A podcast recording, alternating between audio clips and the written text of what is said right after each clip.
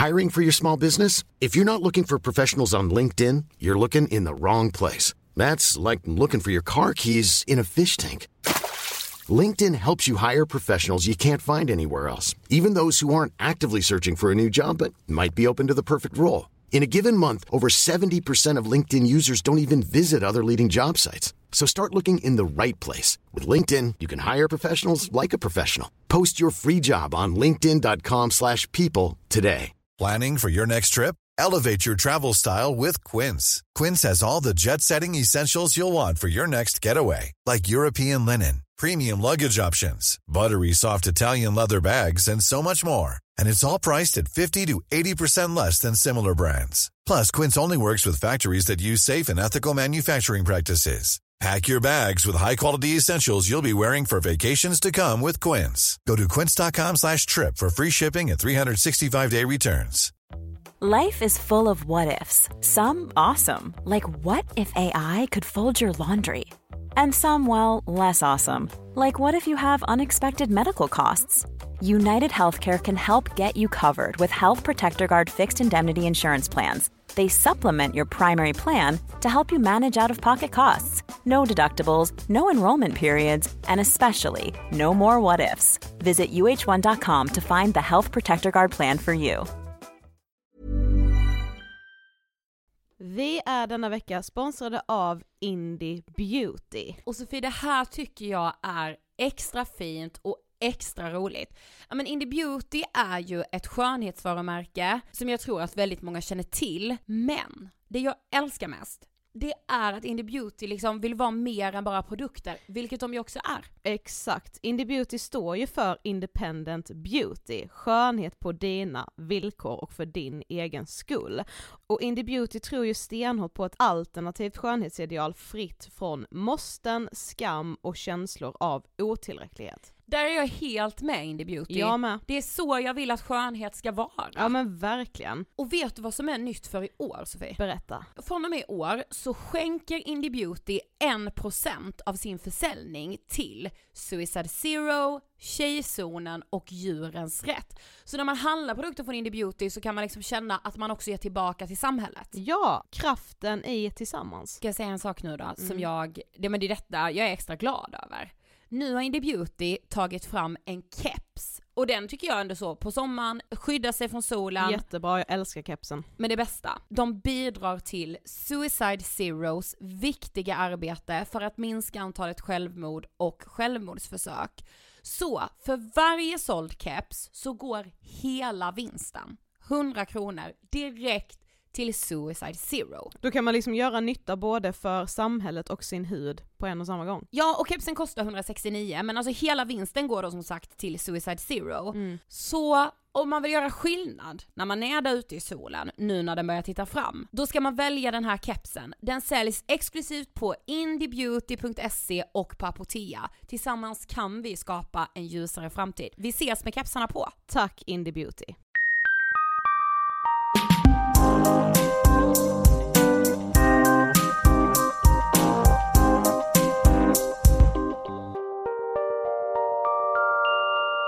Hej allesammans! Det här är Ångestpodden. Du är varmt välkommen till avsnitt 300! Yay! Vad är det för sjukt? Grattis på din grattisdag! Lite så känns det. Ja det känns jubileumsaktigt. Ja lite Det så. känns liksom som att kondolenserna borde strömma in en sån här dag. Vet du vad jag har tänkt på? Nej. Att så här, vi brukar säga att om vi är så dåliga på att fira, Ja, ja, ja. och ja nu gör vi liksom inget jättestorslaget av det här, dock ska ju sägas att vi firar ju varje årsdag med podden, Ja. och så får vi också tillfälle att fira de här hundra avsnitten Mm, för att det, mm, de kom, alltså infaller ju aldrig samtidigt. Nej. Så att så jävla dåliga på att fira är Det blir ju inte. tårta idag. Ja, det får det bli. Gud ja. Mm. Men, men jag tror liksom så här att nej vi kommer inte göra världens största grej av det här. Det är 300 avsnitt, det enda vi kan lova är att vi kommer köra ända in i kaklet med Ångestpodden. Mm. Speciellt nu när jag känner så här: åh gud, folk vill så gärna eh, problematisera kring att prata om ångest och psykisk ohälsa. Usch. Alltså men jag, det är ett avsnitt för sig men jag, alltså jag, nu börjar jag bli så trött faktiskt. Ja vadå, jag tänker ju att jag kommer fortsätta göra avsnitt så länge folk vill lyssna på den här podden. Så Verkligen. jag ser ingen anledning till att inte Nej. fortsätta. Nej men absolut och jag bara känner så här, herregud, vad är problemet? Är det så att vi har sjukhus som går ut och skriker om att så här, det kommer bara friska personer och söker Mm. hjälp för sin ångest hos oss? Mm. Det är ju inte ett problem. Nej, vadå jag tyckte det, den jämförelsen var så himla bra igår när vi liksom diskuterade det här hemma. Ja. Eh, just att man liksom nu då börjar problematisera kring att säga nej, det är klart man inte ska söka hjälp så fort man går igenom en liten skavighet i livet och jada jada. Men det är väl fortfarande upp till nu menar jag inte liksom att lägga allt ansvar på vården, men vi drog ju bara jämförelsen att så här, det är väl inte så att vården går ut och bara säger så här, ja alla måste lära sig vad som är en ofarlig och farlig leverfläck. Om Nej. man har en leverfläck på kroppen som man typ tycker kliar eller som man blir lite orolig för, då kollar man ju upp det. Bara så jag vill bara veta att den är ofarlig. Ja, Det är väl samma sak som man säger, jag mår dåligt, jag vill bara kolla upp, är det här liksom ett normaltillstånd eller behöver jag hjälp?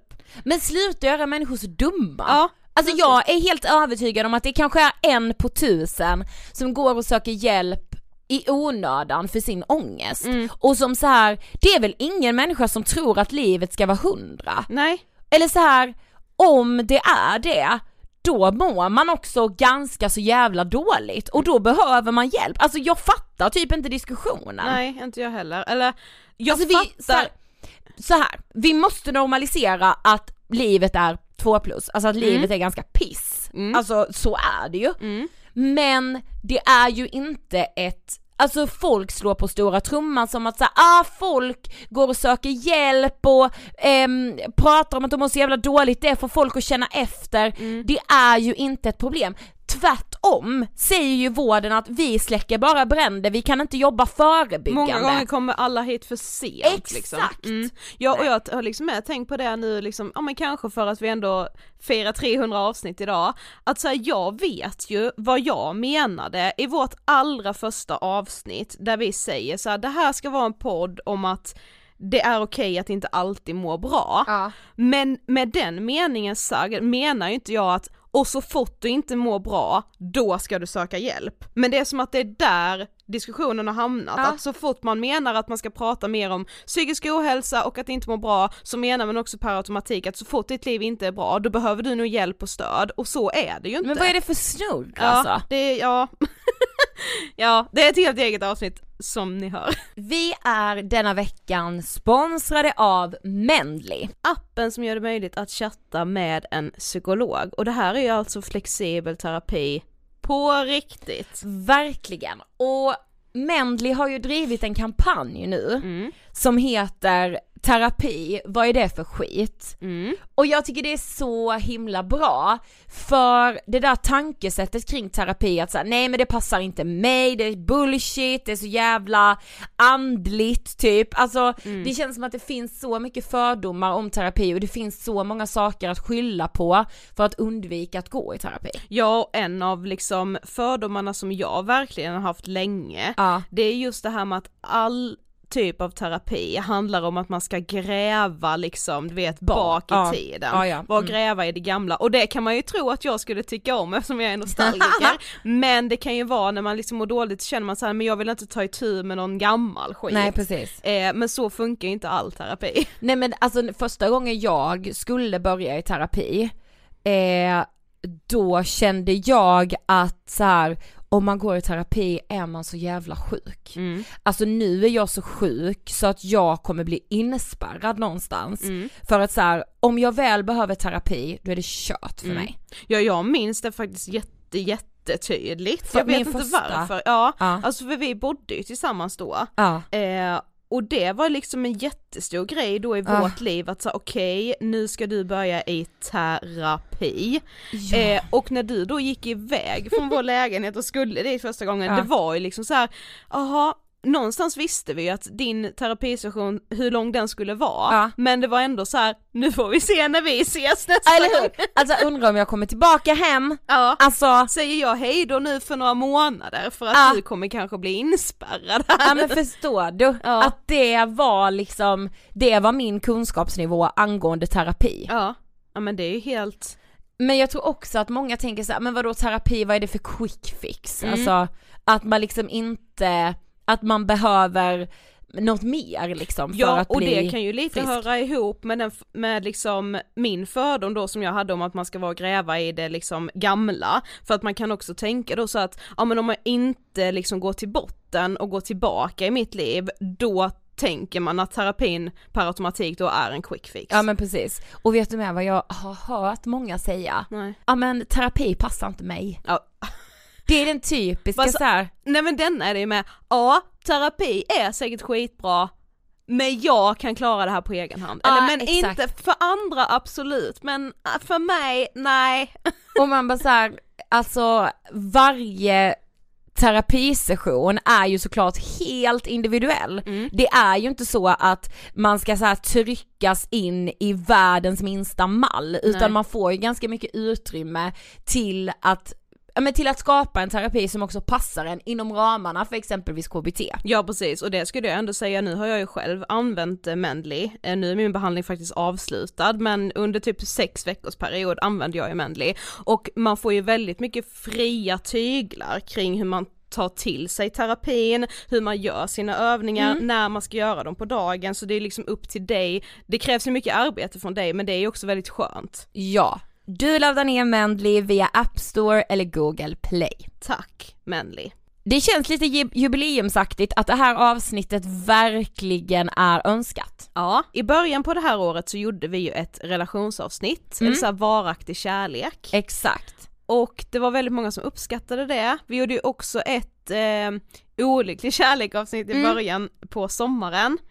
Och nu kommer då ett till kärleksavsnitt tillägnat oss singlar tror Ja. jag. Detta är som ett, en boost i singelliv. Mm. Vi har med oss relationsexperten Daniela Gordon. Ja, nu också aktuell med sin egna podd ju, Kärlek och terapi. Ja, och Sofie, den är så spännande. Mm. Har du väl börjat lyssna, då är du fast. Ja men där är det liksom, du får följa med in i ett riktigt terapisamtal, Mm. alltså de poddar terapisamtalen. Ja, så det kan ni lyssna på efter det här. Yes. Men Sofie, kände inte du att Daniela kom dig så nära? Alltså hon läste ju mig som en öppen bok, det var Ja. faktiskt, det var obehagligt faktiskt. Ja men hon sa ju faktiskt, alltså trots att det här är fokus singel så sa hon ju ändå grejer om mig och Emil Mm. som jag bara såhär, nej men gud hur kan du veta människa? Alltså förstår du? Mm. Och det Nej. var väl nog inte att hon liksom läste just mig som en öppen bok utan mer så här, hon, hon kunde nog se väldigt många av hennes klienter i mig också. Absolut, ja men såklart. Ja. Alltså, men hon var ju bara som ett fyrverkeri att få träffa. Mm. Vi rullar intervjun med Daniela Gordon. Varsågoda! Hej Daniela och välkommen till Ångestpodden! Tack! Gud vad kul det är att du är här. Ja, det är roligt att vara här. Vet du, du är så liksom färgsprakande, man får energi av dig. Det kände jag direkt. Hur känner du direkt? Det var snabbt.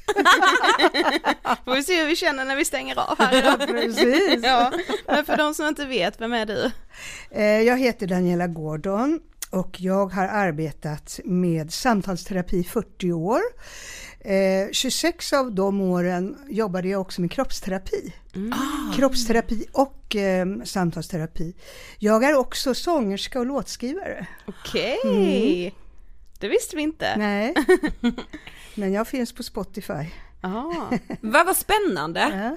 Ja. Men vad tänker du på när du hör ordet ångest? Mm. Alltså ångest är ju rädsla. Det är det ångest är. Men det jag tänker på är att mina klienter, de säger antingen mår de bra eller så har de ångest. För mina klienter är ångest ett ord för att må dåligt. Och det tycker jag är ganska intressant att den yngre generationen, för jag jobbar väldigt mycket med yngre människor, kan inte definiera olika typer av känslor. Man säger inte jag känner mig eh, rädd, ledsen, eh, jag har olust, jag känner mig frustrerad, jag känner mig förvirrad, jag känner mig ensam, utan allt är ångest. Ah. Och när jag då frågar, ja, vad menar du med ångest? Jag, jag, jag har ångest. Så att det är ganska intressant. Det har blivit ett, ett, så att säga, ett generellt begrepp för att inte må bra. Det är så Känner ni igen det här? Jag känner igen det mm. så Jag känner igen det i mig själv också tror jag. Ja. Sen så är jag inte rädd för att försöka sätta ord på den ångesten och då kanske komma fram till att det är ensamhet jag känner eller nervositet eller liksom så här. men det första som kommer upp i huvudet är ju typ ja men jag har ångest. Ja. ja. och det viktiga är att när man vågar definiera det, mm. då blir det ju en ren känsla. För mm. ångest i sig är ju rädsla. Ja. Och ofta säger jag, vad finns bakom ångesten? Mm. Och då måste de känna efter ett tag därför mm. att man är bara i kontakt med rädslan, man är i kontakt med ångesten men man vill inte riktigt känna vad som finns bakom. Så jag vill, jag vill poängtera det här för jag tycker det är viktigt att vi börjar sätta ord på våra känslor. Mm. Det blir mycket lättare att hantera mm. När man kan göra det. Mm verkligen. Ja det är så sant. Men idag ska vi ju prata kärleksångest mm och du är ju alltså samtalsterapeut som träffar väldigt många både ofrivilliga singlar och eh, par i kaos. Eh, men varför blev du så intresserad av att hjälpa personer i, som har kärlekstrubbel? Ja, jag har ju arbetat med all slags terapi i 40 år men efter jag gjorde Gift i första ögonkastet mm.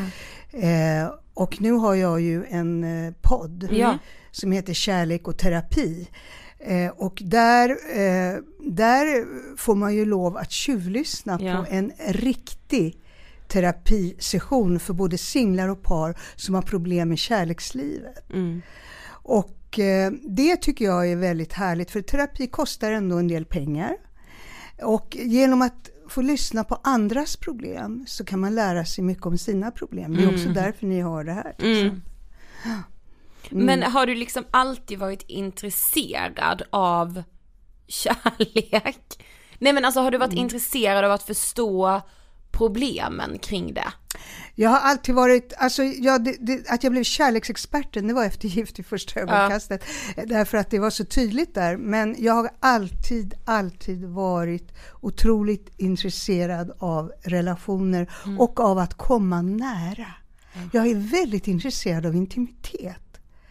Vad är det som gör att människor inte kommer nära varann. Mm. Eh, jag var alltid ett sånt där barn som bara ville att alla skulle vara lyckliga och må bra och komma mm. nära och det skulle kramas och det skulle pussas. Alltså, jag är fortfarande sån. Mm.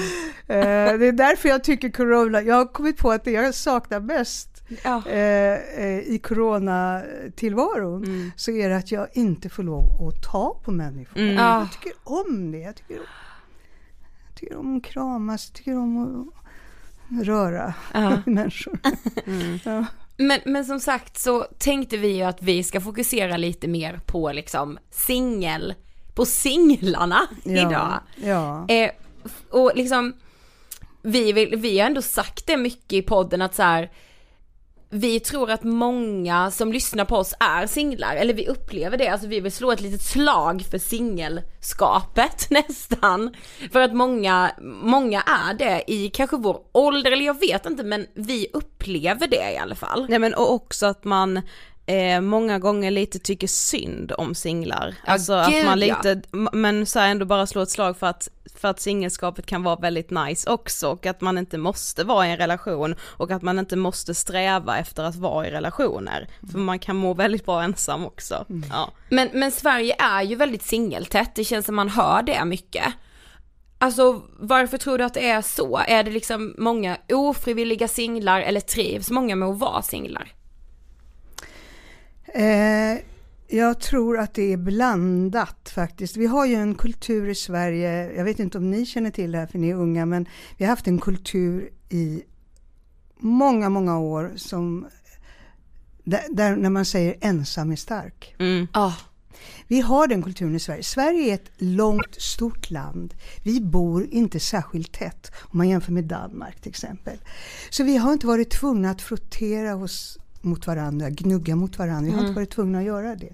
Och, och jag vet att eh, eh på 70-talet när, när jag var ung så var det ofta det där, hörde jag ofta mina vänner säga, ja nu är man vuxen, man ska inte be ha behov av sina föräldrar. Man ska inte behöva sina föräldrar, man ska, inte, man ska klara sig själv. Mm. Det var ett det var ett honnörsord att klara sig själv.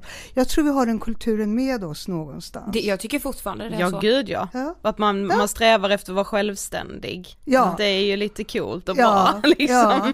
Det, precis, och ja. det är ju någonting som är sorgligt med det för att vi är ju sociala varelser och allt som, det som får oss att må dåligt om man, om man tittar på grunden till det, det är att inte tillhöra. Mm. Vi har ett enormt behov av att höra till.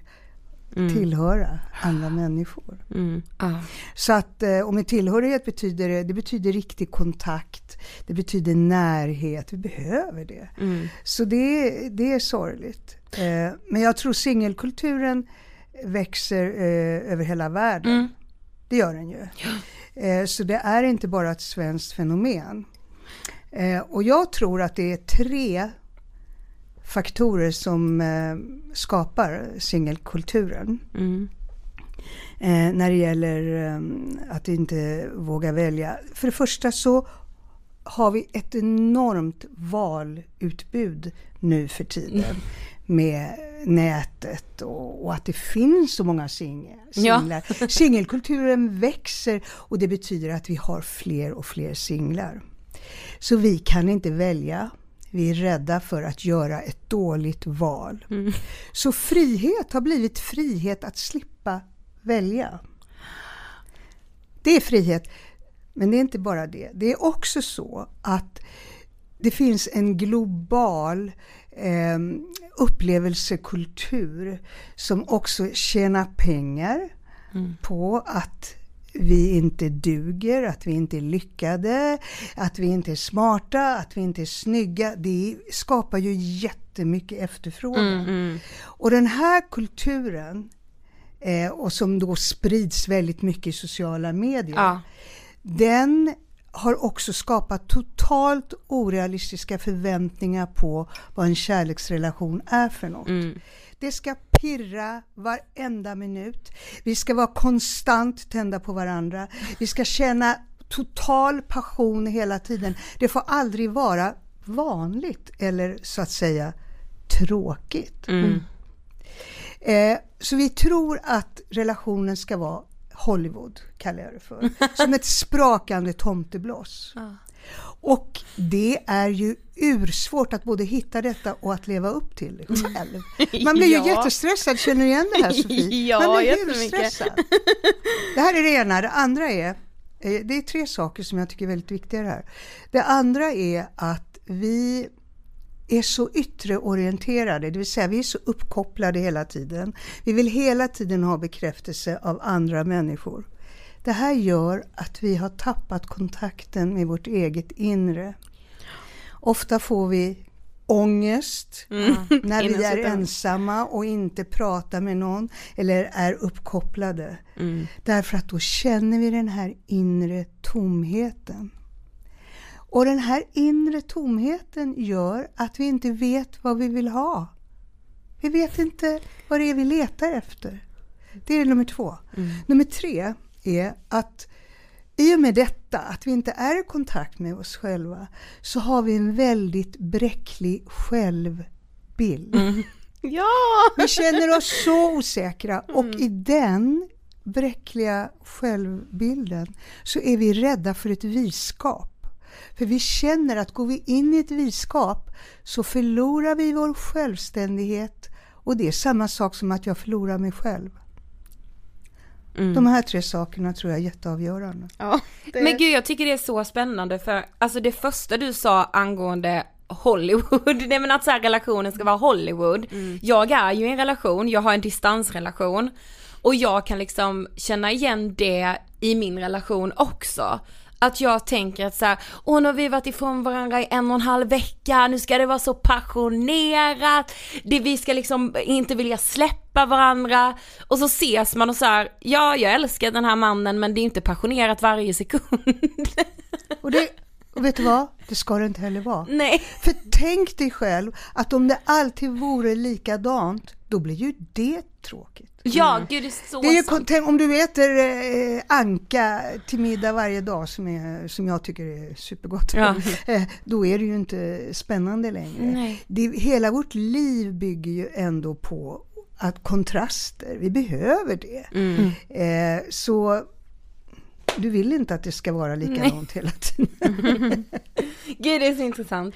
Men vad är trossatser för någonting?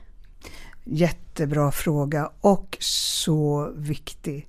Har du läst om det i min bok? Ja, vi, har har läst båda. lite grann. Ja. Ja, mm.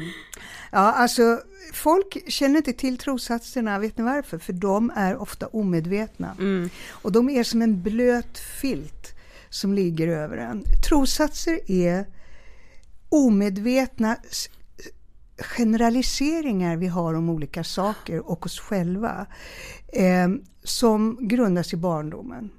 Till exempel om, om din pappa säger till dig när du gör någonting, ah du är hopplös, du är så klumpig. Och du får höra det här gång efter gång efter gång. Du är hopplös, du är så klumpig. Eller, eh, alltså du fattar ingenting, du är obegåvad. Eller du är lite dum i huvudet. Då blir det till slut en trossats. Jag är ointelligent. Jag har sett det så många gånger hos mina klienter. V- Var har du fått det ifrån? Att du är ointelligent? Jag, men, jag känner mig dum, jag känner mig ointelligent. Och så när vi börjar rota i det där så ser vi, oj, ha, det där fick du höra. Antingen av någon taskig lärare eller av en förälder eller så blev du jämförd med ett syskon som var briljant och begåvad. Förstår ni? Och då blir det, och trossatserna. Tänker du på kärleksrelationen eller? När du tänker på trossatser? Nej men jag tänker på, för när vi läste lite om det, just det här med att man liksom Ja men man säger saker till sig själv som man nog gör ganska omedvetet. Vilket jag, om jag, om jag då bara kopplade det till mig själv som ju är singel och ja vi kommer komma in på det lite senare med att så här, jag, jag tycker det är ganska jobbigt att dejta, jag tycker inte det är så kul heller, har jag typ intalat mig för att jag nog säger till mig själv att så här, Nej men jag kommer inte prestera på en dejt, jag kan inte få fram mitt bästa jag på en dejt, det är helt fel forum för mig att visa upp mig typ känner jag. Eh, och jag är rädd också att eh, Ja, men om jag har chattat med någon på Tinder och de bara har sett mina bilder så ska de ju tycka att jag är ful i verkligheten. Det är någonting som jag säger till mig själv jättemycket, vet jag ändå, det är jag medveten om. Så jag undrar hur mycket negativa saker jag säger till mig själv som jag inte ens vet om. För det här har jag ändå, visst det kanske jag har funderat på nu i och med att jag har läst lite om det. Ja. Men ja. Så din trossats, eh, förutom att du tror att du är ful, den är ju väldigt tydlig. Ja. Så kanske din trossats är, jag har inte det som krävs för att inleda en relation. ja, det kan det nog vara. Någonstans. Och- För hur är det när du lär känna, eh, är det, du är heterosexuell så att det är Mm. män träffar. Hur är det när du lär känna mannen? Har du bättre förtroende då eller är det, pågår det här hela tiden att du Nej, jag är ganska då, jag har ju väldigt svårt för att lita på människor. Extremt svårt. svårt att lita på andra eller på dig själv? Nej, på andra. Ja, Ja. okej. Mm. Så har du en trossats eh, som du kanske inte tycker är så rolig att erkänna, men du har chans att erkänna det nu. Man kan inte lita på män. Ja, absolut. Mm. Absolut. Och den är livsfarlig. Och det är väldigt vanligt Mm. att kvinnor har den eh, trossatsen. Därför att har du haft några dåliga relationer eh, då killar bara försvunnit eller ghostat som de gör nu för tiden som jag tycker är fruktansvärt. Ja, det är vidrigt. Mm. Eh, det är ett oacceptabelt beteende. Det är så eh, elakt och det, det är verkligen eh, grymt. Alltså inte på ett positivt sätt, elakt sätt. Eh, nej men det är lätt att få den trossatsen. Och har du haft en pappa som inte har funnits där för dig. Nej, har, det skulle jag inte säga. Jag säger inte att du har den, men jag säger då, då är det lätt att få den. Mm, Eh, nej, man kan inte lita på män. mm, Um, har du haft en pojkvän som varit otrogen? Alltså det, det, ja. Och den är livsfarlig för det har du med dig hela tiden. Mm. Eh, när du går in i en relation. Mm. Och vad som händer är att det vi, det är därför det är så eh, negativt att ha dåliga trossatser och negativa Mm. trossatser. Därför att det vi tror på, det skapar vi också. Det undermedvetna drar till sig det det undermedvetna tror på. Mm. Det är det som är, är, är det tråkiga.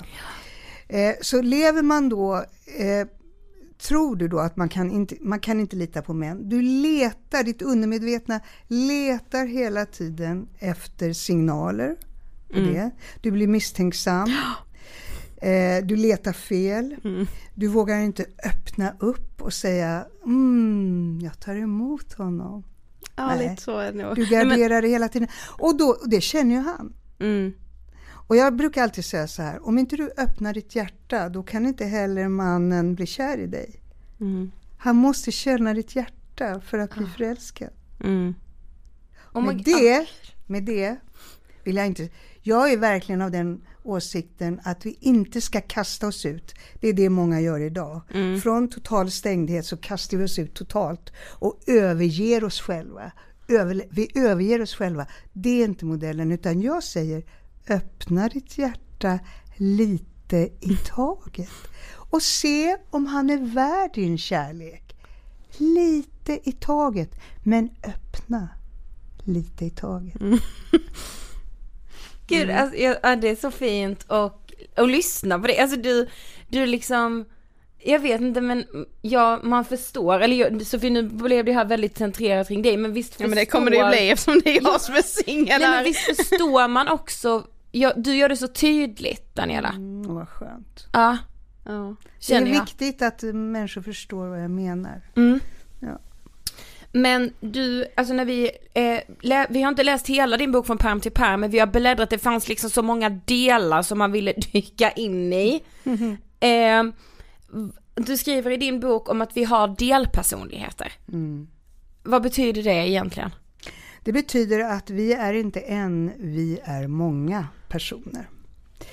Eh, det vill säga, det här känner ni igen. Eh, du är en person när du träffar dina kompisar. Du är en annan, eh, kanske när du är med din pojkvän. När du träffar dina föräldrar blir du en tredje. När du går in i din yrkesroll är du en annan. Vi tar ju på oss olika roller.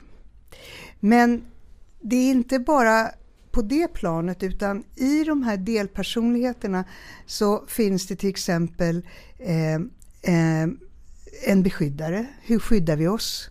Det är en delpersonlighet. En behagare, en pleaser som vill vara till lags. En eh, kritiker. Det pratar ni om. Den inre kritiken, det är en jätteviktig eh, delpersonlighet. Kontrollanten. Hur vill jag ha kontroll? Sen har vi omedvetna delpersoner. Vissa är väldigt medvetna. De kallas för primärdelpersonligheter. Det är de vi tycker om. Det är de som är starka. Ah. Det är de jag har räknat upp här. Men sen så har vi då ehm, delpersonligheter som är, som är lite, som vi inte är så medvetna om. Som är lite mm, skamfyllda. Den skamfyllda till exempel. Det har vi alla i oss. Det finns en del, den, den som skäms. Eh, Delpersonligheter det är olika delar av vårt inre barn. Det är väldigt viktigt att jobba med terapi. Det inre barnet och då finns det det övergivna barnet, det finns det lekfulla barnet, eh, det finns det magiska barnet, det finns olika aspekter av vårt inre barn. Det finns hur många delpersonligheter som helst faktiskt. Och när man pratar med en klient då märker jag när de säger någonting, ah, låt oss titta på den delen i dig. Hur ser den ut som en person? Blunda så ser vi. Och så får du gå in i den. Wow. Men i din bok så skriver du också om myter kring relationer och kärlek. Så vi tänker att vi ska läsa upp några av dem så får du spräcka hård på de här myterna. Eh, Och den första är... För vi kände igen dem så otroligt mycket. Vi Ja, kände det att, tror så här, att alla gör. det här har vi sagt till kompisgänget, det här har vi sagt till varandra. Och man säger det till sig själv ganska ofta också. Ja. Eh, den första är då, om det är meningen att jag ska få kärlek i mitt liv, bara händer det. Mm. Alltså det där är ju, det är ju det här lilla barnet som, som inte behöver uttrycka sina behov och det gör ju, många vuxna är ju barn. Vi tror att andra ska läsa eh, det vi behöver. Ja, universum, ska, universum ska veta att jag vill ha en kärlek så den kommer bara dimpa ner framför mina fötter. Den gör ju det på film, hallå! Det kommer inte att hända. Jag har levande bevis på det för att nu kommer ju många människor till mig som vill just jobba med eh, kärleksrelationer eller att hitta kärleken. Och när de inser vilket jobb de måste göra med sig själva, så säger what? Mm. Så är det. Och det ger resultat hela tiden. Ja. Det är underbart. Ja. Men också nästa myt, alltså som jag tänker, nej det här är ingen myt. nej men för att vi har sagt det så mycket, vi har pratat så mycket om det. Män tänder inte på starka kvinnor. Precis. Och vad står det sen efteråt? Eh, ja, så här är det. Män tänder visst på starka kvinnor om du, trots att du är stark, också visar att du behöver Ja. en man, om du nu är heterosexuell, eller en annan kvinna. Därför att om du är stark och överdrivet självständig och hela tiden markerar att du inte behöver något, då känner framförallt inte mannen, han måste känna att han har något att tillföra. Om han känner, hon behöver ju inte mig, vad ska jag ge henne? Jag har ingenting att ge. Hon klarar sig, hon, vill, hon behöver inget. Så att det är otroligt viktigt och det här har man ju sett väldigt mycket att väldigt starka entreprenöriga kvinnor, de har ofta, många av dem är singlar. För de kan inte gå in i det som är det mer receptiva feminina sidan. Eh, och både män och kvinnor har manliga och kvinnliga sidor. Ja. Det ska vi ha. Men om man överidentifierar sig med det ena eller det andra så blir det inte så bra. Men jag kan nog uppleva att, alltså många män blir liksom hotade, alltså som känner sig så hotade av att kvi- alltså av att en kvinna är liksom självständig ekonomiskt, att, alltså, Ja. Jag förstår vad du menar Ja. och vet du vad? Det är ett så nytt fenomen. Så att vi lever ju fortfarande i en gammal patriarkal struktur. Eh, Det är ju ändå så att det är inte så många år som kvinnor har varit så här Nej. självständiga och inte behöver mannen för att klara att leva i en eh, familjerelation och så vidare. Så var det ju alltså förr i tiden. Det är inte så många år sedan det var så. Så att det finns liksom det finns lite grann i våra gener. Men eh, det, den mannen som är rädd för dig, som är stark, honom ska du inte vara tillsammans med. Det finns starka män och det finns många män som också gillar starka kvinnor. Sen finns det den där andra typen av man som själv känner sig liten och eh, ganska kanske mm, känslig och sårbar och som vill ha en stark kvinna för att hon ska ta hand om honom. Finns de verkligen? Ja, jag. ja. jag med. Ja. Eh, och det, det kanske vissa starka kvinnor tycker om för att då får de dominera Ja. och få, vara starka hela tiden. Eh, eh, och det kan vara en utmaning för en kvinna att möta då en stark man ja, utan att gå i eh, maktkamp. just det. Mm. För är man en stark kvinna och har liksom erövrat sin styrka, då kanske man inte vill heller mm, få det, den kraften och styrkan ifrågasatt. Ja, gud det är så intressant. Mm. Men hur visar man då att man liksom ändå behöver mannen? Alltså jag kan känna typ så här, eh, det är många kompisar som har sagt till mig med att så här, ja men du känns så himla självständig och cool i det och liksom stark i det och att du typ inte bryr dig riktigt. Men jag kan ju känna mig, alltså jag kan ju stundtals känna mig jätteensam och ställa mig frågan så här, men var, varför får jag aldrig till en relation? För att jag, liksom, jag har aldrig varit i en relation. Ehm, och jag kan ju inte relatera till det mina vänner säger om mig. Jag känner mig inte alls speciellt stark i min självständighet. Jag känner inte liksom, jag känner inte heller att jag är dålig på att visa att jag behöver mannen som jag träffar liksom. Men ändå så blir det som att de till slut, ja men klipper banden med mig. Alltså jag vet ju inte vad det beror på men är det då att jag, alltså hur, hur visar man att man behöver dem trots att man är en stark, driven, självständig kvinna Ja, som, ja. som klarar sig själv, för det gör jag och jag vill känna att jag gör det, jag vill inte känna att jag är beroende av en man rent ekonomiskt eller liksom i min självkänsla och så, men för den sakens skull betyder inte det att jag vill vara singel, jag vill ju träffa någon liksom, någon gång. Ja, det, jag tror inte att det handlar om självständighet det här, i, i det här, utan jag tror att det handlar om, faktiskt om hur mycket du öppnar ditt hjärta. Jag ska förklara. Ja. Eh, jag tror att kanske i början så känner du dig tryggare i mötet och är mer sårbar kanske och transparent. Men när tiden går, då kanske du blir räddare. Och då kommer kanske din trosats upp, mm, kan man verkligen lita på honom? ja exakt så här är det ja. Ja.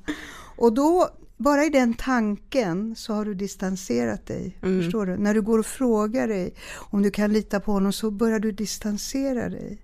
Och då stänger du till lite grann. Mm. Och det, det plockar han upp undermedvetet. Han känner din rädsla kanske mycket mer än, än att han stör sig på din självständighet. Det är vad du säger till dig själv. Mm. Men förutom det så är det otroligt viktigt att ehm, öva sig på intimitet. Och vad det handlar om är att visa sig istället för att visa upp sig. Vi visar upp oss hela tiden på Facebook, på Insta. Allting är en konstant uppvisning. Ja. Och i och med att vi är så vana vid det där, hela, hela tiden. Jag gör grimaser nu, jag visar upp oss, vi tar våra selfies. Ja, I och med att vi gör detta hela tiden så blir det en slags vana, det blir ett sätt att, att vara på. Mm. Om vi till exempel vi säger så här att du har en dejt. Istället, då sitter vi ofta och ska vara kuliga och vi ska vara charmiga. Och, vi sitter och, och liksom visar upp oss, eller hur? Ja. Men om vi istället vid en dejt säger så här. Du, jag är så nyfiken. Vad är viktigt för dig i livet? Berätta om någonting som har varit svårt i dina relationer tidigare. Mm. Vad gör dig olycklig? Eller, vad gör dig lycklig? Ni har helt andra frågor. Och att man själv också berättar sådana här saker som har med ens inre att göra. Berätta något om din barndom. Vad, vad har varit bra? Vad har varit dåligt? Alltså, man får ju en helt annan kontakt. Ja. Det där låter som en drömdejt. Ja, men det är ju inte svårt. Nej. Nej. Det är ju bara att ställa de frågorna. Ja. Eh, och börjar man öppna upp, för det här är det intima samtalet. Börjar man öppna upp för det, då har man kommit in på en helt annan nivå. Mm. Och då känner man, hmm, nu börjar den här människan visa sig och inte bara sitter och, man sitter och skojsar bort sig hela tiden. liksom. Eh, sen är det andra faktorer som gör att, man, att skapa intimitet. Det är, handlar om att ge, det man vill, ge den kärlek man vill ha. Att verkligen ge kärlek. Och ha det här som jag pratade om innan, det mottagande. Jag tar emot den här människan nu när jag sitter på den här dejten. Jag tar in, alltså det här, jag öppnar mig här inne i bröstet. Jag öppnar hjärtat. Jag andas både ut och in. Jag tar in den här personen. Jag öppnar ögonen, jag tar in den här personen. Mm. Eh, mm, jag smakar på energin. Det är någonting helt annat än, än vi sitter ju ofta vi är ju ofta upptagna av vad det är vi vill leverera. Ja, Mm, alltså. Gud ja. Åh, och då ja. blir vi självupptagna. Ja. Mm. Så är det. Eh, och, och sen så pratar jag ju, ja, det kan vi prata mer om sen, det här med självkärleken, att det är så viktigt. Mm. Nej men nu, alltså när jag hör det här tänker jag, nu drar jag mig till minnes liksom min singel, alltså när jag har varit singel i mitt liv, period tänkte jag säga, men det var ju betydligt längre, det var ju flera år. Men jag undrade, ni vet när jag hör det här tänker jag så här, hur fan lyckades jag och min kille tillsammans? Mm. För jag har ju alltid också spelat de här rollerna när jag har varit på dejt och visst det är för att vi var kompisar sen vi var unga, alltså kanske. Ja jag vet inte. Vet ni vad? En viktig sak, förutom det att man visar upp sig, så sätter vi ju på oss masker. Ja. Mm. Mm, den roliga clownen, Gud, ja. fixaren, den intelligenta. Ja. Vi, vi, har de här, den sexiga, vi spelar ju Hund. upp roller. Mm. Det är förödande ja. För en relation, för den orkar vi ju inte upprätthålla. Nej, det är jättejobbigt. men, men jag tänkte också på en myt till som Alltså i vår generation, 90-talisttjejerna, 20 någonting, alla har sagt det här någon gång. Är det rätt? Är det lätt? Okej, okay, den där är bra faktiskt, för det är så här. Det är nämligen lätt när det är rätt. Men det tar inte fem minuter. Det är inte vid första anblicken. Att Hiring for your small business? If you're not looking for professionals on LinkedIn, you're looking in the wrong place. That's like looking for your car keys in a fish tank. LinkedIn helps you hire professionals you can't find anywhere else, even those who aren't actively searching for a new job but might be open to the perfect role. In a given month, over 70% of LinkedIn users don't even visit other leading job sites. So start looking in the right place. With LinkedIn, you can hire professionals like a professional. Post your free job on linkedin.com slash people today. Hey, it's Ryan Reynolds, and I'm here with Keith, co-star of my upcoming film, If, only in theaters May 17th. Do you want to tell people the big news? All right, I'll do it. Sign up now and you'll get unlimited for $15 a month in six months of Paramount Plus Essential Plan on us. Mintmobile.com slash switch. Upfront payment of $45 equivalent to $15 per month. Unlimited over 40 gigabytes per month. Face lower speeds. Videos at 480p. Active Mint customers by 531.24 get six months of Paramount Plus Essential Plan. Auto renews after six months. Offer ends May 31st, 2024. Separate Paramount Plus registration required. Terms and conditions apply if rated PG. Quality sleep is essential. That's why the Sleep Number Smart Bed is designed for your ever-evolving sleep needs. Need a bed that's firmer or softer on either side? Helps you sleep at a comfortable temperature? Sleep Number Smart Beds let you individualize your comfort so you sleep better together. JD Power ranks Sleep Number number 1 in customer satisfaction with mattresses purchased in-store. And now, save 50% on the Sleep Number limited edition Smart Bed for a limited time. For JD Power 2023 award information, visit jdpower.com/awards. Only at a Sleep Number store or sleepnumber.com. Attraktion, vi hänger ju upp oss på attraktion. Mm. Vi tror att om vi inte är omedelbart attraherade så är det ingenting. Mm. Och det där är fel, för attraktion är inte samma sak som relation. Och vet ni, de har gjort en undersökning att av alla de människor som lever i lyckliga relationer, 90% av dem har träffats minst fem gånger innan de förstod att det var så. Mm. Men jag hör ju hela tiden, ja men det är fel, efter första dejten, så jag, ge en dejt till, dejt två, det här är fel. Alltså vi har så bråttom. Mm. Ja! Ja, så att eh, så här, när du väl är rätt så känns det lätt på det sättet att du känner att du är dig själv. Ja. Den här människan. Det är naturligt. Känner inte du det Ida? Jo. Du är dig själv med Emil? Heter ja, Emil heter han. Ja, ja men till hundra procent. Mm. Men när du säger det här med undersökningen också, vi hade ju känt varandra i typ tre år innan vi insåg att så här, vänta, jag är skitkär i dig alltså. Du ser. Om någon hade ja. sagt det till mig efter ett år, hade jag bara aldrig liv, alltså det är han och jag, nej, nej, nej, vad är det för sju, alltså. Det är underbart att höra det här Ida, för det här betyder att den här omedelbara attraktionen, den är så, det är en enorm myt. Ja. Och eh, det är därför det är underbart att folk som har varit vänner mm. i åratal plötsligt kan bli förälskade. Vad som är viktigt att känna är, har jag, tycker jag att den här människan är sympatisk?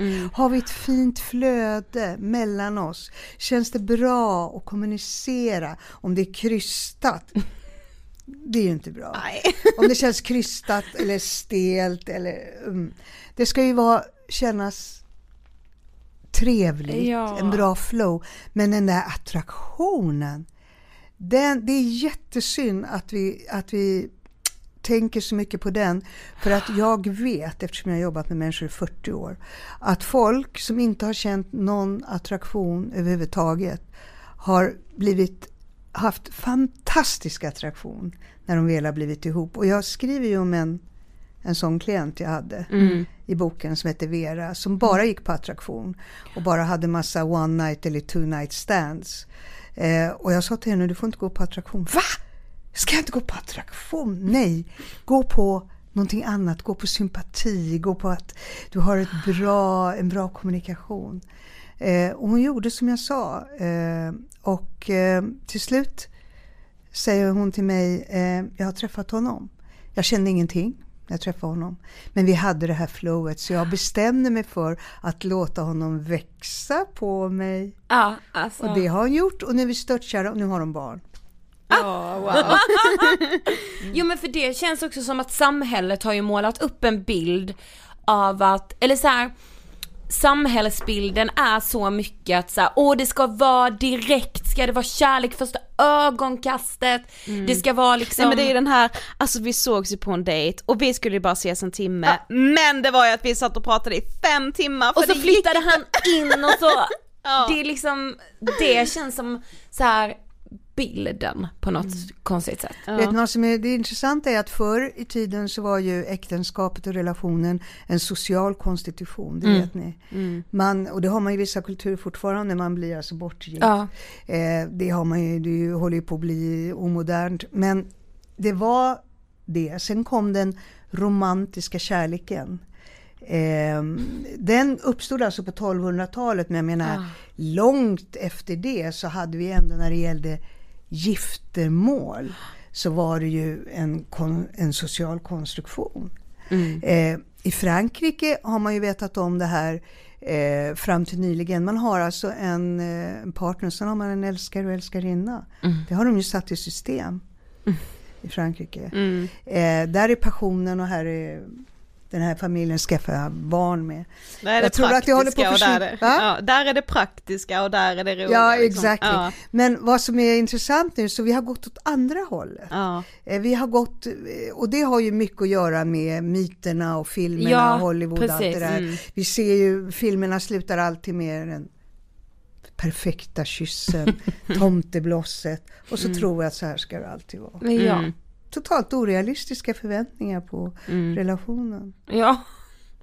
Men om man nu är, jag, jag tror ju att många liksom av våra lyssnare som också är singlar kan relatera till detta, men jag som då har liksom Ja men jag tycker inte att det är speciellt kul att dejta, jag tycker det är ganska jobbigt liksom. Om det kanske är för att jag blir väldigt nervös av det och känner att jag inte kommer till min rätt och ja, massa så. Och sen ibland kan jag känna så här att, ja men varför ska jag varför ska jag tvinga mig själv in i dejtandet? För det känns som att jag gör lite avkall på mig själv om jag gör någonting som jag inte vill. Samtidigt så fattar jag ju att det är det jag behöver göra om jag nu ska träffa någon. Det alltså jag är så tudelad i det. Hur ska jag tänka?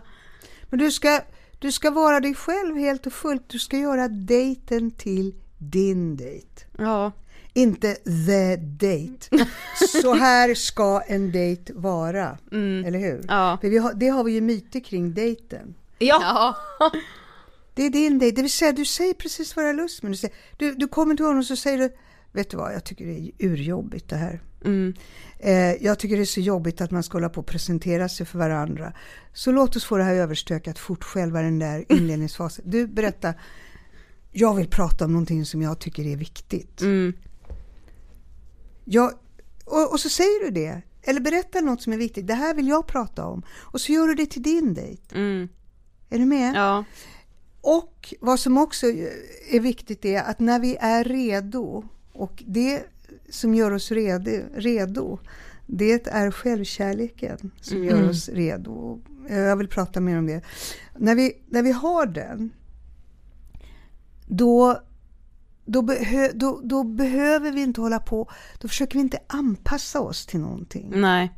Nej. För det är typ det som är problemet kan jag tänka att jag har ju aldrig tänkt det är min dejt, jag har tänkt att det är hans dejt i sådana fall. Att han ska tycka att jag är skön, jag är rolig, jag är härlig. Det är en liksom. uppvisning, du Han på ska ha uppvisning. Ja, ja men verkligen. Hur känns det att tänka det i min dejt?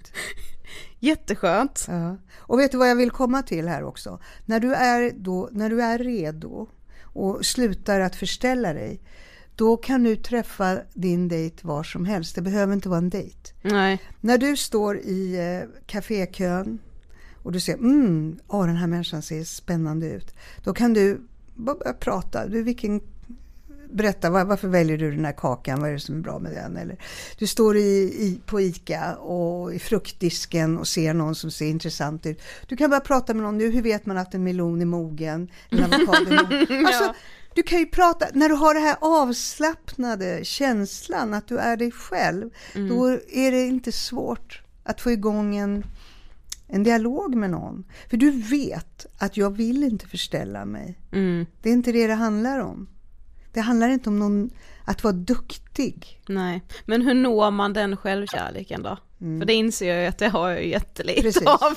Nu kommer vi till det. Självkärleken är att behandla dig själv som du behandlar din bästa vän.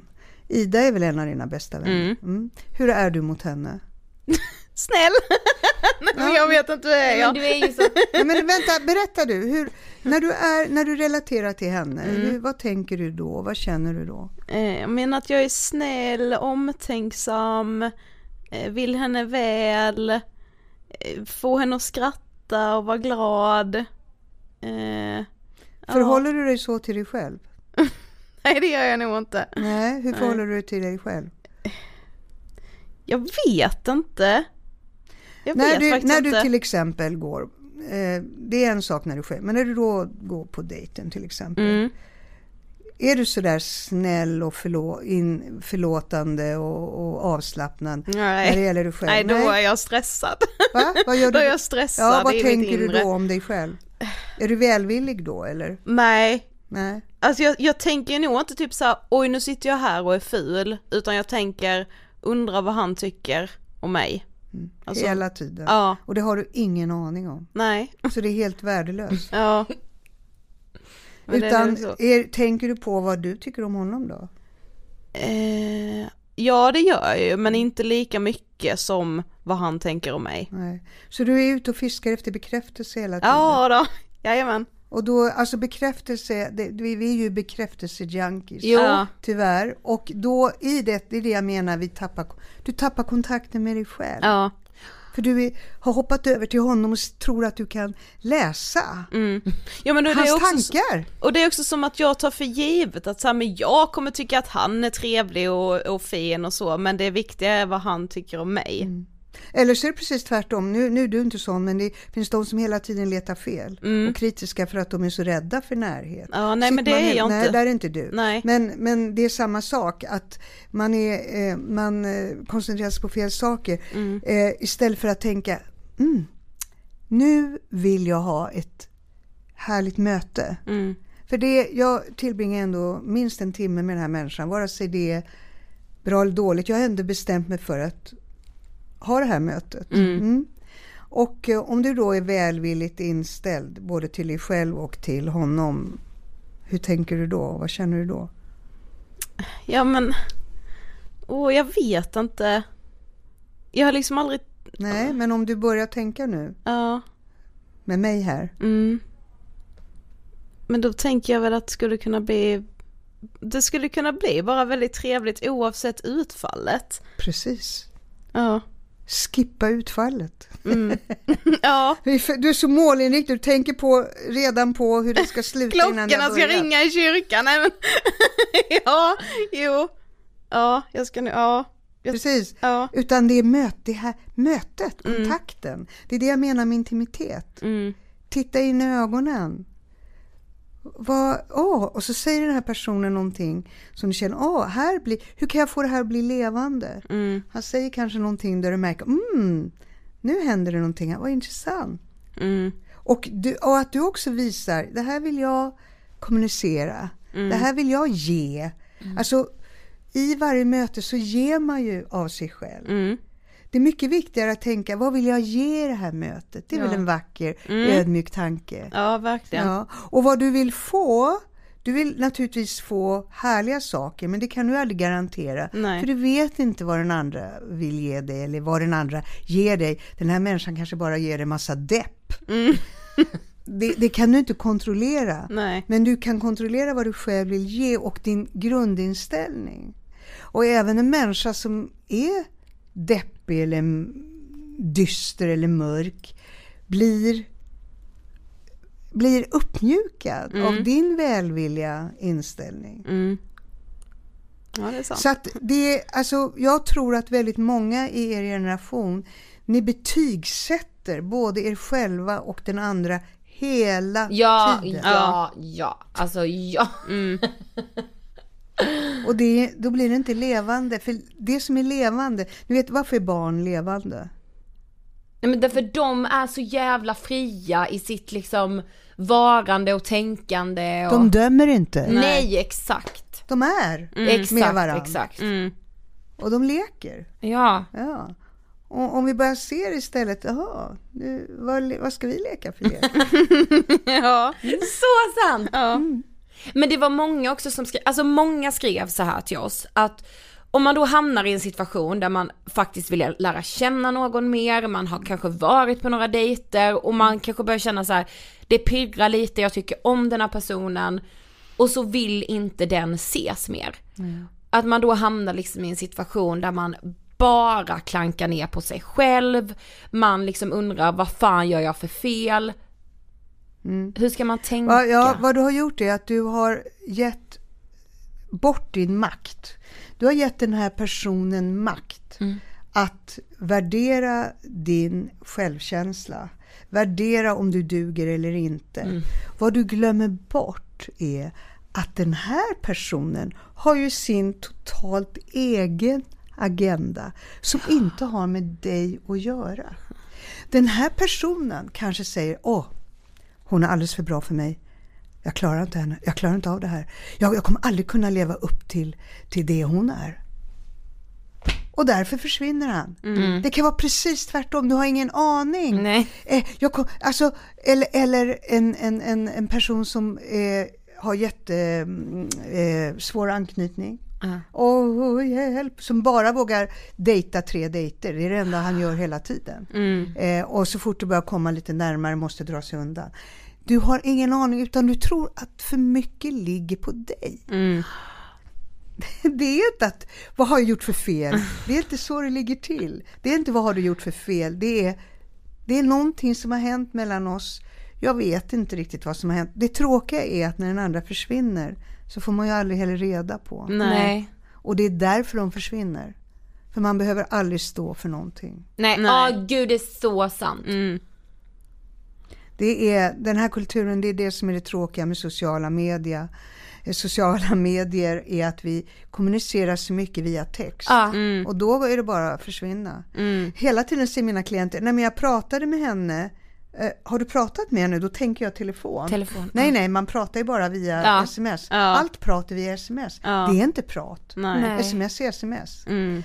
Mm, Vi är ju rädda för att kommunicera med rösten. Alltså, Mm. För då avslöjar vi oss. Mm. Du kan inte mörka på samma sätt. Och därför är ju väldigt många människor otroligt rädda för att ringa och prata i telefon. Det är det bästa man kan göra. För när du innan dejten så är det egentligen bra om man kan prata med varandra i telefon. För då får man ju en känsla ja. eh, för den andra personen. För rösten är så avslöjande och man känner ju flödet, kommunikationen. Ja. Men det är vi livrädda för.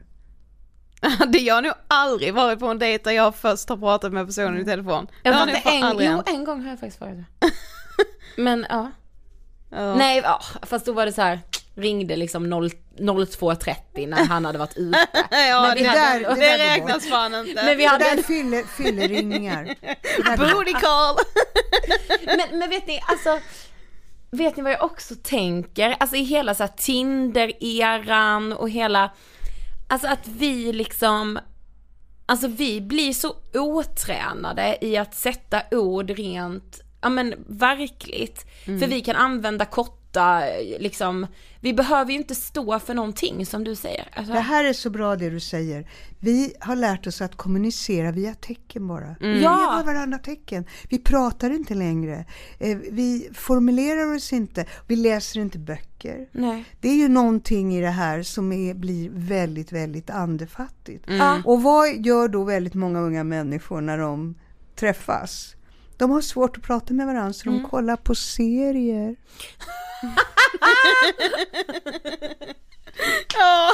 Eller hur? Det är så sant! Då behöver man inte prata, man sitter där så håller man i varandra i handen och har det mysigt och tittar på serier. Och det är så bra med serier för det är inte en film, det är 20. Ja, Och då kan man bara kolla. Alltså ursäkta mig, nu, nu låter jag lite raljerande. Visst är det underbart att titta på serier också. Ja. Men ni förstår vad jag menar. ja, Vi har, vi, alltså vi, och, och det ser man ju när man tittar på eh, tonåringar eh, som är tillsammans. De sitter ju bara tillsammans och tittar på sin mobil.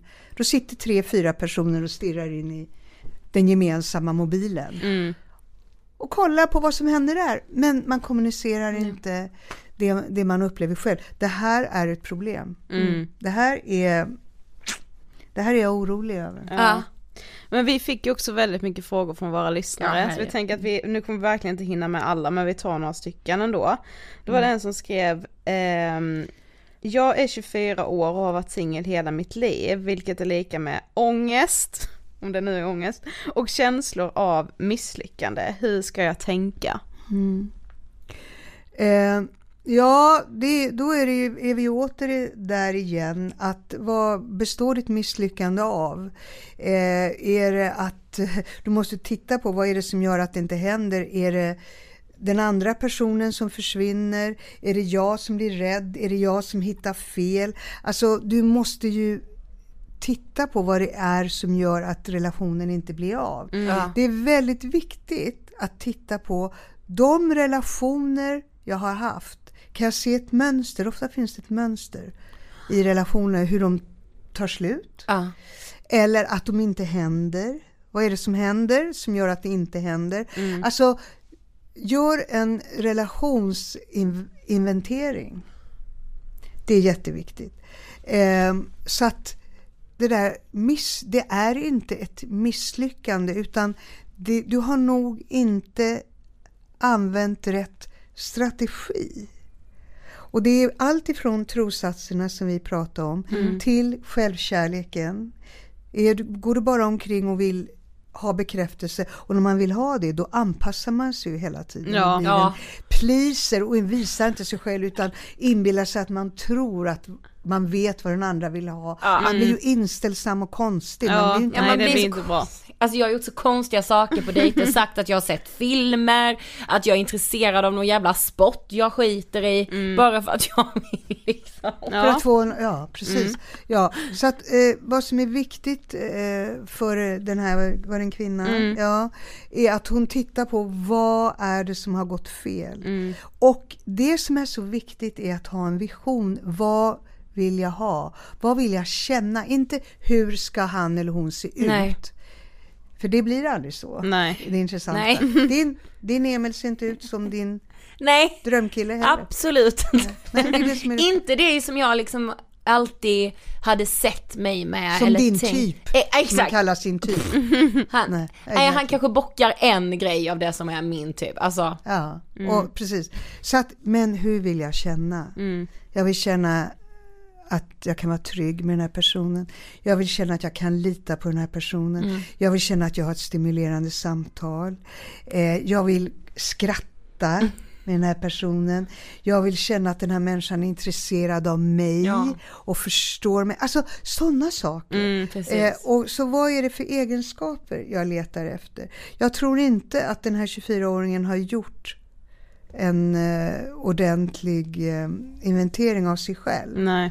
Eh, så att det, är, det här misslyckandet, det är så tråkigt ord. ja. Det är inte ett misslyckande och du är bara 24 år. Ja, jag skulle precis säga det, men Du är att så ung åh jag är fortfarande." 24 år och har aldrig haft en relation. Du är bara 24 år, kom ihåg Precis. det. Ja. Det är liksom hela livet framför dig. Precis, Ja. precis. Mm. Eh, och eh, vi mognar så, så olika i det här. Mm. Exakt. Och det ingen, finns inget fel i det. Nej. Det är en annan som skrev så här, jag vet inte om det här var en kille eller tjej som skrev, men eh, hur ska man släppa tanken kring att det alltid kommer finnas någon som är bättre än mig själv? Varför skulle någon välja just mig? Men alltså, ni hör ju återigen, Ja, det, Ja, ja. det bra är- och dålig, ja. vem är bra och vem är dålig, vad är det som är bättre, vad är det som är sämre? Alltså, det är så förenklade tankar som inte har någon förankring i verkligheten. Ja, var, ja. Eh, det är, alltså, vad den här människan hela tiden känner är, jag duger inte. Nej precis. Eller hur? Så att vad den här människan behöver göra är att arbeta på sin självkänsla. Det vill säga, och självkänsla är självkärlek.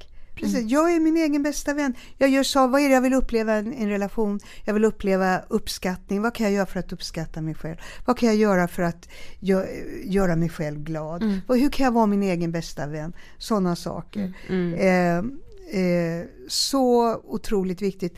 Eh, min podd, jag har ju fem singlar som jag gör terapi med. Och det intressanta i den här podcasten är att jag har aldrig träffat de här människorna. Nej. Jag har pratat med dem i fem minuter. Mm. Eh, och det är första terapisessionen. Och det är så intressant för jag söker mig fram till deras problematik. Ja. Eh, och där har jag, eh, jag har en kille som heter Klas som hela tiden, han är skådis. Och hela tiden det här med att visa upp sig. Ja. Är, är, är, det är så intressant.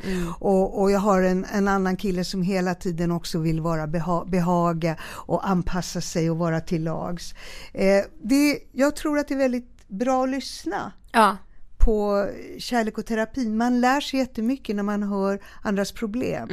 Därför att det är väldigt är- många i er generation som inte läser böcker. Mm. Och då är det därför jag har gjort podcasten, då den ypperligt tillfälle att eh, förstå och lära sig saker Ja precis. Mm.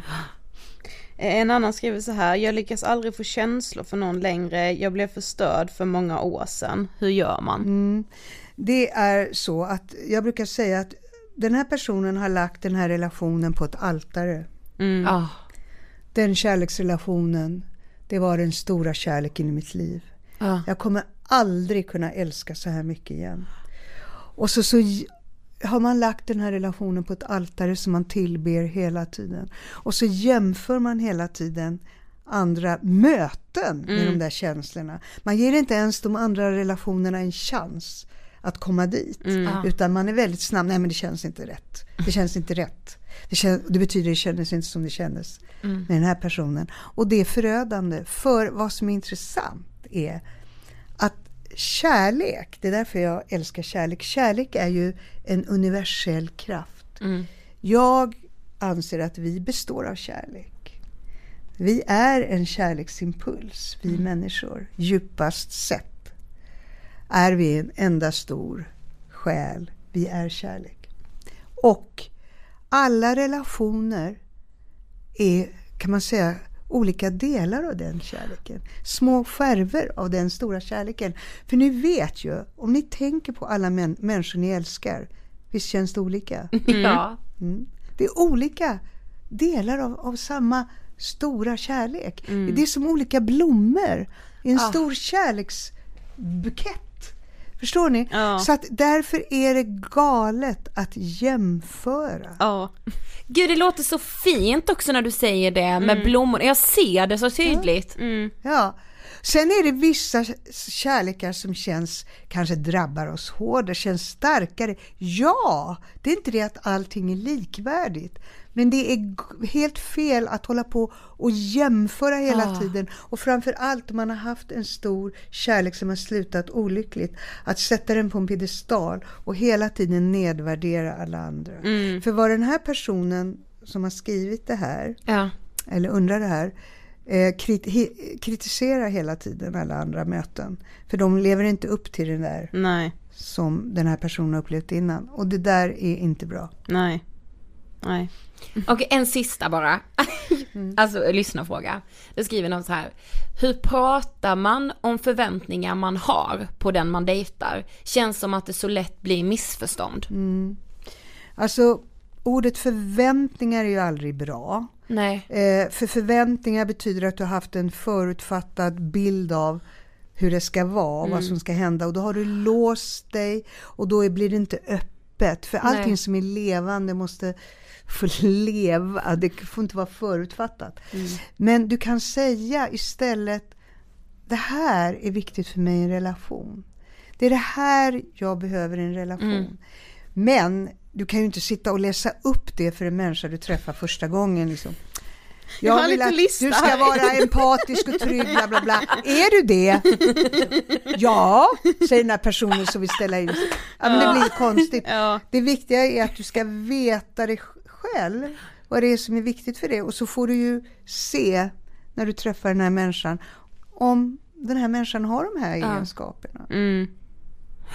Ja, väldigt, ja det är, du får nog komma tillbaka Ja, men Daniela. för vi du måste komma tillbaka. Ja. Alltså, mm. Men nu har vi kommit till sista frågan.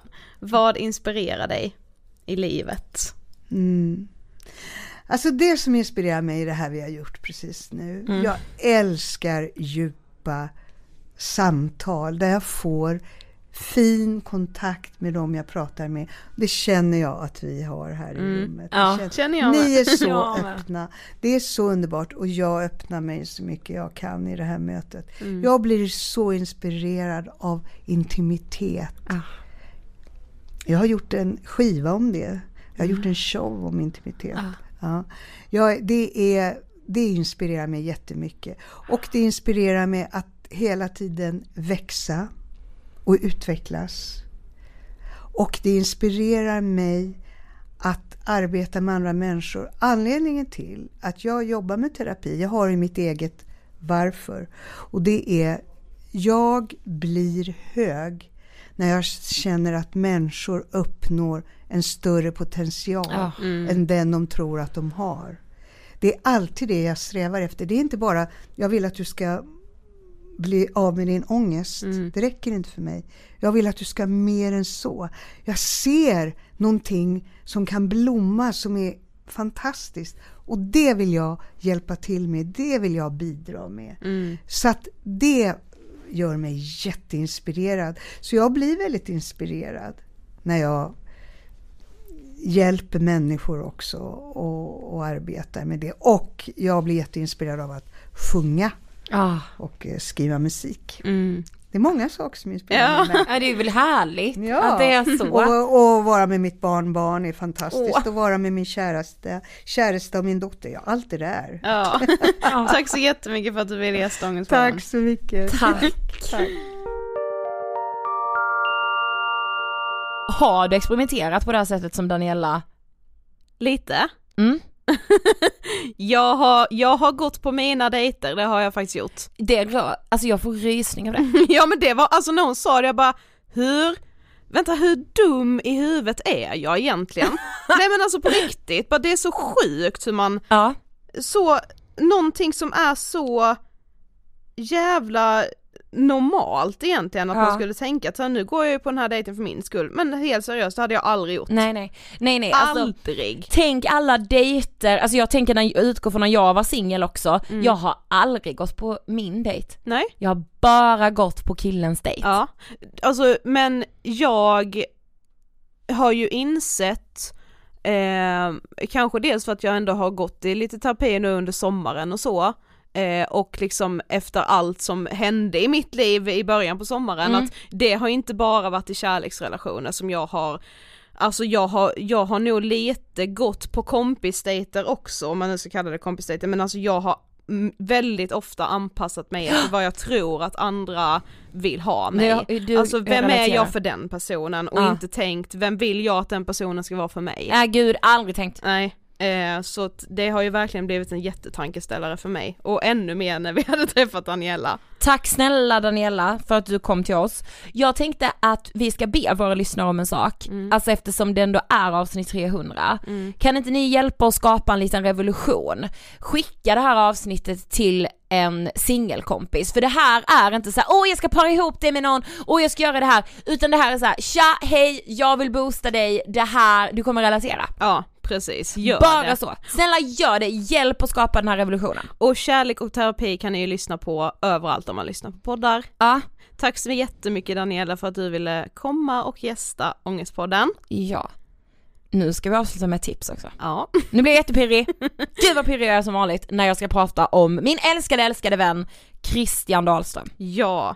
Eh, ni känner säkert eh, igen Christians namn sen, ja men vi har ju tipsat om honom flera gånger, han har även gästat Ångestpodden ju två gånger. Hans podd Sinnessjuk tror jag Ja. är väldigt känd för många liksom. Mm. Han gjorde ju den här dokumentären om kimchi, kombucha och socker choi. Och även en dokumentär om eh, Thomas Eriksson och omgiven av böckerna. Yes. Nu har han gjort en ny dokumentär. Ja, och den här är, för mig känns den också väldigt, väldigt historisk, som ett historiskt dokume- dokument från liksom psykvård, psykiatri, hur vi har behandlat människor med eh, psykiska besvär. Eh, jag tror att de flesta känner till Thomas Quick, Sture Bergvall och hela den rättsskandalen. Eh, och någon som var tongivande i den var Margit Norell, fostrad i en väldigt så här freudiansk teori. Ja, och nu har alltså Christian gjort en dokumentär om henne, hennes liv och, ja men det är så mycket psykiatrisk historia här. Som är eh, vidrig. Ja, och Christian är ju otroligt bra på att berätta de här, berätta den här historien. Ja men så här var det ju liksom att det som var i rättsfallet eh, Thomas Quick, det var ju att han skulle minnas tillbaka. Han hamnade ju som att i någon slags trans nästan när de skulle återuppväcka minnena från då de här påstådda, eller han tog ju på sig väldigt många mord som det sen visade sig att han aldrig hade begått. Och man började liksom fundera på den här behandlingen han fick, liksom rent psykiatriskt, hur mycket den faktiskt har skadat honom och hur jävla farligt det är att mixtra med psykiatri på det sättet. Mm. Och eh, ja, Margit Norell är ju, är ju väldigt tongivande i många andra rättspsykiatriska fall också. Eh, och ska ju också sägas att Sture Bergvall, Thomas Quick, har ju själv lyssnat på den här dokumentären Ja. och tycker att den är väldigt bra. Så vi avslutar det här 300 avsnittet Gud! med en liten trailer från Christians dokumentär. Ja. Ni kan lyssna på den genom att bli Patreon, ni hittar all information på sinnessjuk.se. Ja och alltså fan vad jag älskar er, alltså helt Ja. ärligt talat. Tack för att ni finns, vi hörs nästa vecka! Kan en domstol i en mordrättegång ta hänsyn till en fyraårig flickas vittnesmål? Det är frågan sedan Stockholms tingsrätt idag beslutat häkta en 33-årig obducent som misstänks för mordet på Katrin da Costa sommaren 1984. Aldrig tidigare i svensk rättshistoria har en så ung flicka åberopats i ett så allvarligt brottmål. En person som verkligen har lyssnat och tagit sig tid är Barbro Sandin. Vår internationellt sett kanske mest namnkunniga psykoterapeut för schizofrena. En väl dokumenterad terapi är hennes arbete med Elgard Jonsson på Säters sjukhus. Johanfallet, ett av Sveriges mest uppmärksammade mord, håller kanske på att få sin lösning. Det gäller den 11-åriga Sundsvallspojken Johan Asplund. En patient på ett mentalsjukhus påstår sig ha utfört mordet och åklagaren tar allvarligt på erkännandet. Man får inte blanda terapi med vanlig förundersökning i ett brottmål. Speciellt inte om det gäller ett flertal mord som här. Utan Margit Norell, ingen Thomas Quick.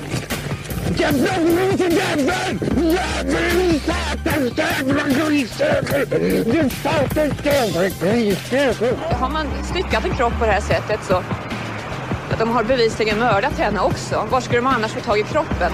Det är absurt. Jag tror att ja, faktiskt gemene man tycker att det här är en helt absurd rättegång. Jag har inte begått något av de mord jag är dömd för. Och jag har inte heller begått något av alla de andra morden jag har erkänt. Det är så det är. Redan i Kvicks första åtal för mord engagerades professor Sven-Åke Kristiansson som minnesexpert. Sture, Sture, Sture, Sture, Sture, Sture, Sture, Sture, Sture, Sture,